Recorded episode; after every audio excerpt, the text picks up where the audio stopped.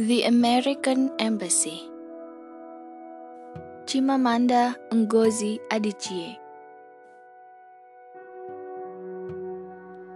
She stood in line outside the American Embassy in Lagos, staring straight ahead, barely moving.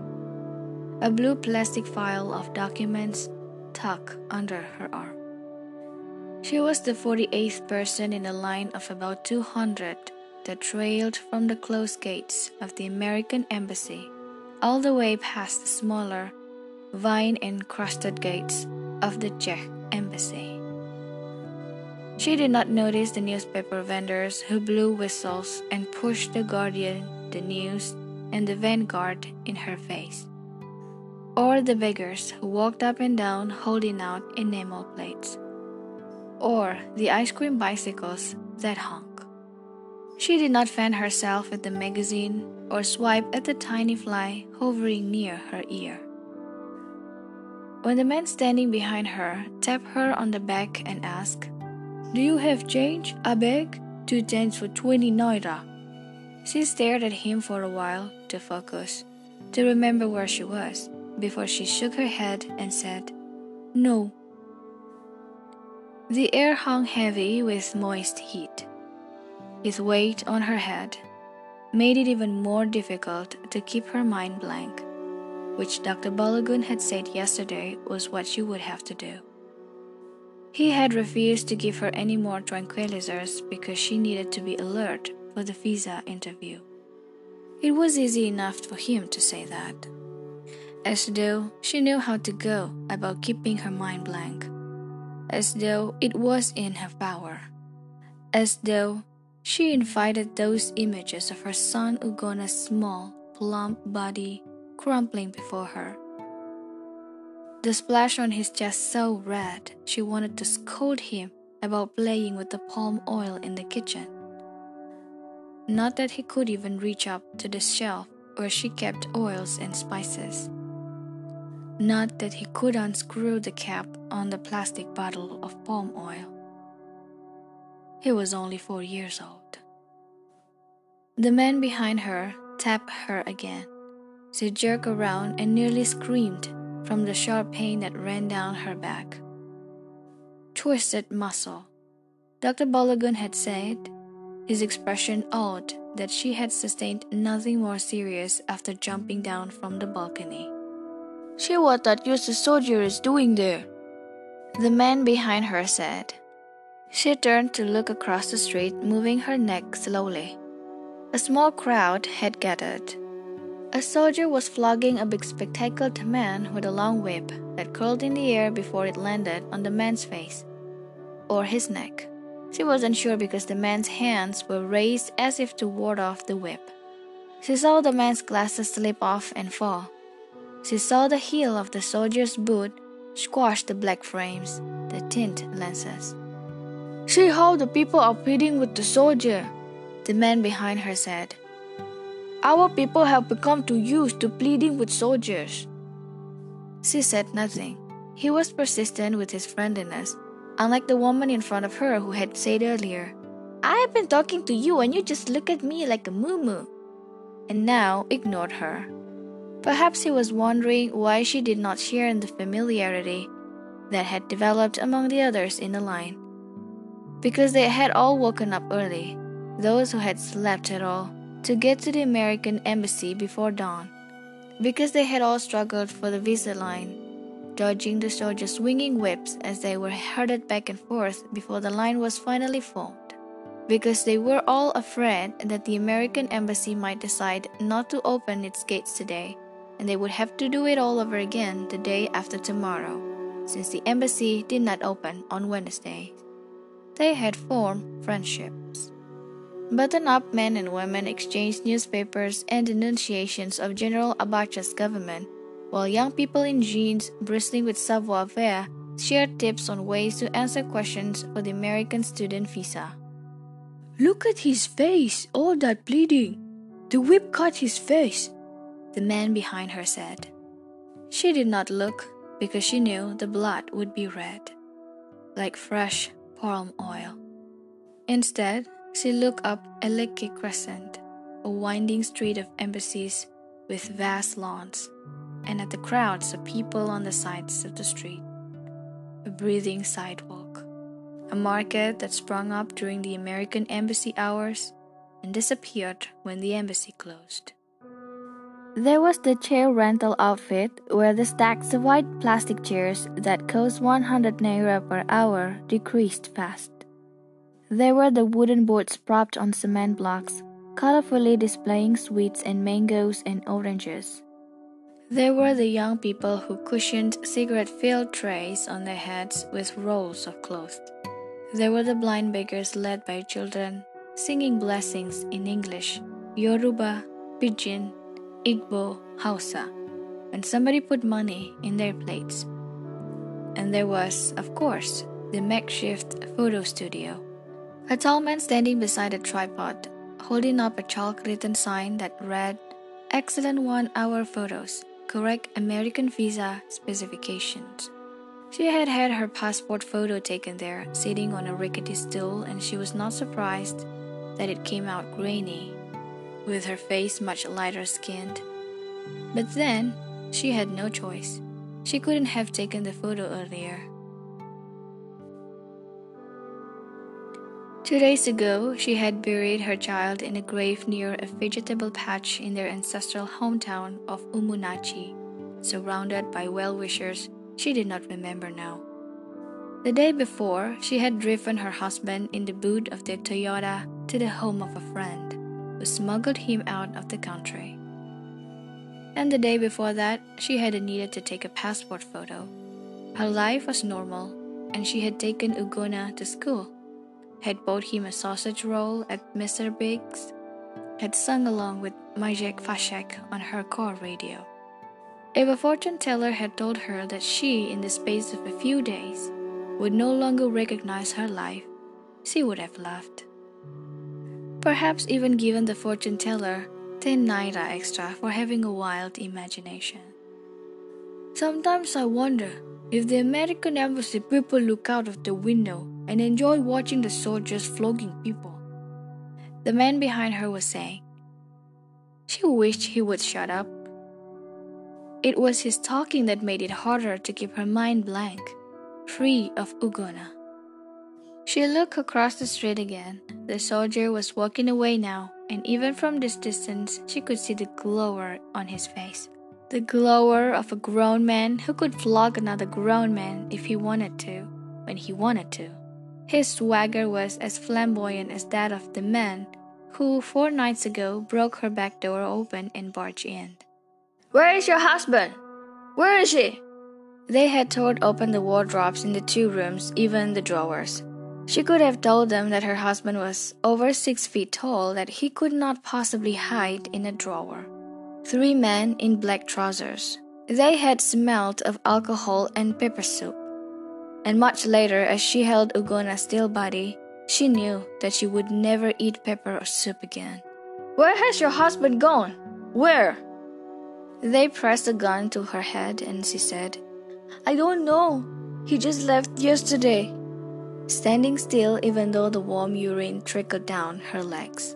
One of them, the one wearing a black hooded shirt who smelled the most like alcohol, had eyes that were startlingly bloodshot so red they look painful. He shouted the most kick at the TV set. You know about the story your husband wrote in the newspaper?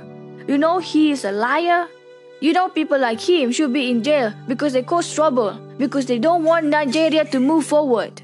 He sat down on the sofa where her husband always sat to watch the nightly news on NTA and yanked at her so that she landed awkwardly on his lap. His gun poked her waist. Fine woman. Why you marry a troublemaker? She felt his sickening hardness, smelt the fermentation on his breath. Leave her alone, the other one said, the one with the bald head that gleamed as though coated in Vaseline. Let's go. She pried herself free and got up from the sofa, and the man in the hooded shirt, still seated, slapped her behind. It was then that Ugonna started to cry, to run to her. The man in the hooded shirt was laughing, saying how soft her body was, waving his gun. Ugonna was screaming now. He never screamed when he cried. He was not that kind of child. Then the gun went off and the palm oil splash appeared on Ugonna's chest. See, orange is here, the man in line behind her said, offering her a plastic bag of six peeled oranges. She had not noticed him by them. She shook her head. Thank you. Take one. I noticed that you have not eaten anything since morning. She looked at him properly then for the first time, a nondescript face with the dark complexion unusually smooth for a man. There was something aspirational about his crisp ironed shirt and blue tie, about the careful way he spoke English as though he feared he would make a mistake. Perhaps he worked for one of the new generation banks and was making a much better living than he had ever imagined possible. No, thank you, she said. The woman in front turned to glance at her and then went back to talking to some people about a special church service called the American Visa Miracle Ministry. You should eat, oh. The man behind her said, although he no longer held out the bag of oranges. She shook her head again. The pain was still there, somewhere between her eyes. It was as if jumping from the balcony has dislodged some bits and pieces inside her head so that they now clattered painfully. Jumping had not been her only choice. She could have climbed onto the mango tree whose branch reached across the balcony. She could have dashed down the stairs. The men had been arguing so loudly that they blocked out reality, and she believed for a moment that maybe that popping sound had not been a gun. Maybe it was the kind of sneaky thunder that came at the beginning of Harmattan. Maybe the red splash really was palm oil and Ugonna had gotten to the bottle somehow and was now playing a fainting game, even though it was not a game he had ever played. Then their words pulled her back. You think she would tell people it was an accident? It is what Oga asked us to do. A small child. We have to hit the mother. No, that is double trouble. Yes. No. Let's go, my friend. She had dashed out to the balcony, then climbed over the railing, jumped down without thinking of the two stories, and crawled into the dustbin by the gate. After she heard the roar of their car driving away, she went back to her flat, smelling of the rotten plantain peels in the dustbin. She held Ugonna's body, placed her cheek to his quiet chest, and realized that she had never felt so ashamed. She had failed him you are anxious about the visa interview, Abi? The man behind her asked. She shrugged gently so as not to hurt her back and forced a vacant smile. Just make sure that you look the interviewer straight in the eye as you answer the question. Even if you make a mistake, don't correct yourself because they will assume you are lying. I have many friends they have refused for small, small reasons. Me, I am applying for a visitor's visa. My brother lives in Texas and I want to go for a holiday. He sounded like the voices that had been around her, people who had helped with her husband's escape and with Ugonna's funeral, who had brought her to the embassy. Don't falter as you answer the questions, the voices had said. Tell them all about Ugonna, what he was like, but don't overdo it because every day people lie to them to get asylum visas about dead relatives that were never even born. Make Ugonna real. Cry, but don't cry too much. They don't give our people immigrant visas anymore unless the person is rich by American standards.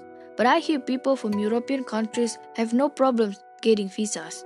Are you applying for an immigrant visa or a visitor's? The man asked. Asylum.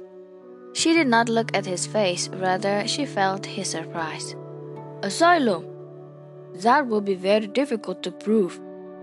She wondered if he read the new Nigeria, if he knew about her husband. He probably did. Everyone supportive of the pro democracy press knew about her husband especially because he was the first journalist to publicly call the coup plot a sham to write a story accusing General Abacha of inventing a coup so that he could kill and jail his opponents.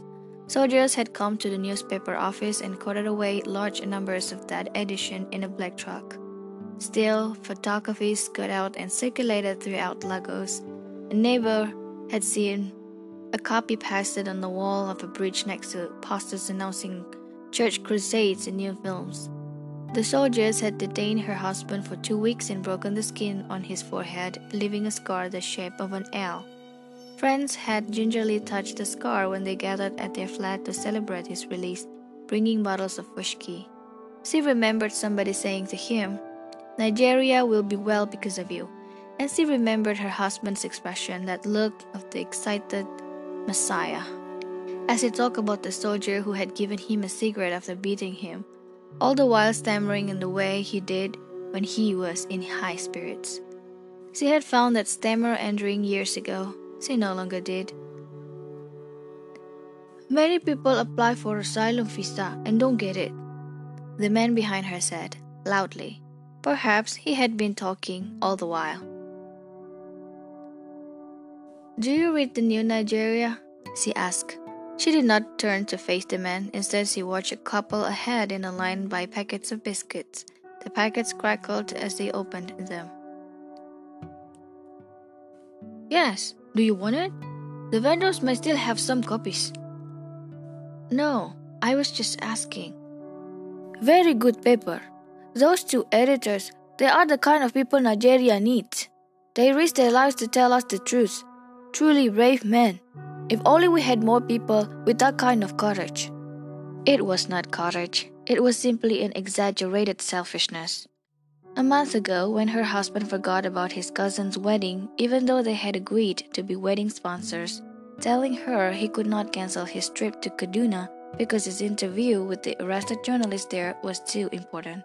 She had looked at him, the distant driven man she had married, and said, You are not the only one who hates the government. She went to the wedding alone and he went to Kaduna, and when he came back, they said little to each other. Much of their conversation had become about Ugonna anyway. You will not believe what this boy did today, she would say when he came home from work, and then go on to recount in detail how Ugonna had told her that there was pepper in his Quaker oats, and so he would no longer eat it, or how he had helped her draw the curtains. So you think what those editors do is bravery? She turned to face the man behind her. Yes, of course. Not all of us can do it. That is the real problem with us in this country. We don't have enough brave people. He gave her a long look, righteous and suspicious, as though he was wondering if she was a government apologist, one of those people who criticize the pro democracy movements, who maintained that only a military government would work in Nigeria.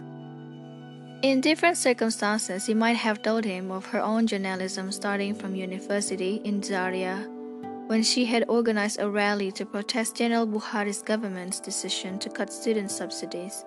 She might have told him how she wrote for the evening news here in Lagos, how she did the story on the attempted murder of the publisher of The Guardian, how she had resigned when she finally got pregnant because she and her husband had tried for four years and she had a womb full of fibroids. She turned away from the men and watched the beggars make their rounds along the visa line. Rangy men in grimy long tunics who fingered prayer beads and quoted the Quran. Women with jaundiced eyes who had sickly babies tied to their backs with threadbare clothes. A blind couple led by their daughter, blue medals of the Blessed Virgin Mary hanging around their necks below tattered collars. A newspaper vendor walked over, blowing his whistle. She could not see the new Nigeria among the papers balanced on his arm. Perhaps it has sold out. Her husband's latest story. The Abacha years so far, 1993 to 1997, had not worried her at first because he had written nothing new, only compiled killings and failed contracts and missing money. It was not as if Nigerians did not already know these things. She had not expected much trouble or much attention, but only a day after the paper came out, BBC Radio carried the story on the news and interviewed an exiled Nigerian professor of politics who said her husband deserved a human rights award. He fights repression with the pen. He gives a voice to the voiceless. He makes the world know. Her husband had tried to hide his nervousness from her. Then, after someone called him anonymously, he got anonymous calls all the time. He was the kind of journalist, the kind who cultivated friendships along the way. To say that the head of state was personally furious, he no longer hid his fear. He let her see his shaking hands. Soldiers were on their way to arrest him, the caller said. The word was it would be his last arrest. He would never come back. He climbed into the boot of the car minutes after the call so that if the soldiers asked, the gateman could honestly claim not to know when her husband had left. She took Ugonna down to a neighbor's flat and then quickly sprinkled water in the boot. Even though her husband told her to hurry, because she felt somehow that a wet boot would be cooler, that he would breathe better, she drove him to his co-editor's house. The next day he called her from Benin Republic. The co-editor had contacts who had sneaked him over the border. His visa to America, the one he got when he went for a training course in Atlanta, was still valid and he would apply for asylum when he arrived in New York. She told him not to worry. She and Ugonna would be fine. She would apply for a visa at the end of the school term and they would join him in America. That night, Ugonna was restless and she let him stay up and play with his toy car while she read a book. When she saw the three men burst in through the kitchen door, she hated herself for not insisting that Ugonna go to bed. If only Oh, this sun is no gentle at all. These American university people should at least build a shed for us. They can use some of the money they collect for visa fee. The man behind her said. Somebody behind him said the Americans were collecting the money for their own use. Another person said it was intentional to keep applicants waiting in the sun. Yet another laughed. She motioned to the blind begging couple and fumbled in her bag for a 20 naira note. When she put it in the bowl, they chanted. God bless you. You will have money, you will have good husband, you will have good job. In pidgin English and then in Igbo and Yoruba. She watched them walk away. They had not told her, You will have many good children. She had heard them tell that to the woman in front of her. The embassy gate swung open and a man in a brown uniform shouted, First 50 on the line, come in and fill out the forms. All the rest, come back another day. The embassy can attend to only 50 today. We are lucky, Abi, the man behind her said. She watched the visa interviewer behind the glass screen, the way her limped auburn hair graced the folded neck, the way green eyes peered at her papers above silver frames as though the glasses were unnecessary. Can you go through your story again, ma'am? You haven't given me any details. The visa interviewer said with an encouraging smile. This, she knew, was her opportunity to talk about Ugonna. She looked at the next window for a moment at a man in a dark suit who was leaning close to the screen, reverently as though praying to the visa interviewer behind. And she realized that she would die gladly at the hands of the man in the black hooded shirt or the one with the shiny bald head before she said a word about Ugonna to this interviewer or to anybody at the American embassy before she hulked Ugonna for a visa to safety. Her son had been killed. That was all she would say. Killed. Nothing about how his laughter started somehow above his head, high and tinkly. How he called sweets and biscuits bready bready. How he grasped her neck tight when she held him. How her husband said that he would be an artist because he didn't try to build with his Lego blocks, but instead he arranged them side by side, alternating colors. They did not deserve to know. Ma'am, you say it was the government? The visa interviewed asked.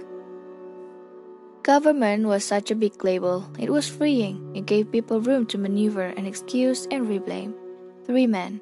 Three men like her husband or her brother or the man behind her on the visa line. Three men. Yes, they were government agents, she said. Can you prove it? Do you have any evidence to show that? Yes, but I buried it yesterday my son's body.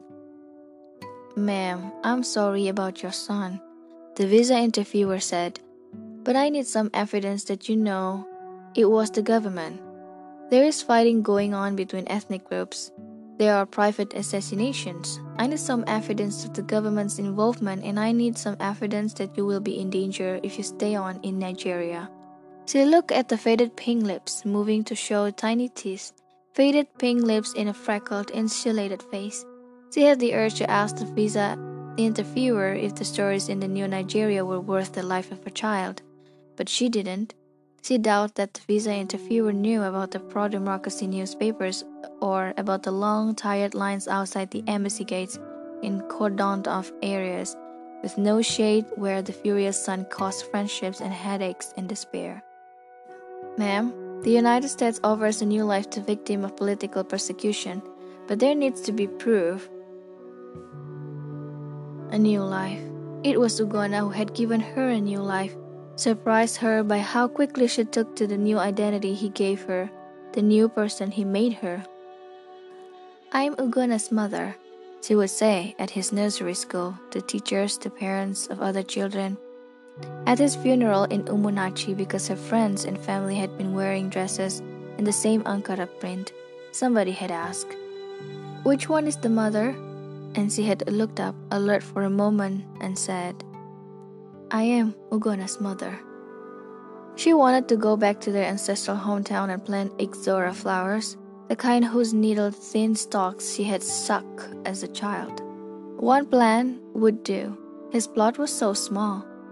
When it bloomed and the flowers welcomed bees, she wanted to pluck and suck at them while squatting in the dirt. And afterwards, she wanted to arrange the suck flowers side by side like Ugonna had done with his Lego blocks. That, she realized, was the new life she wanted. At the next window, the American visa interviewer was speaking too loudly into his microphone. I'm not going to accept your lies, sir.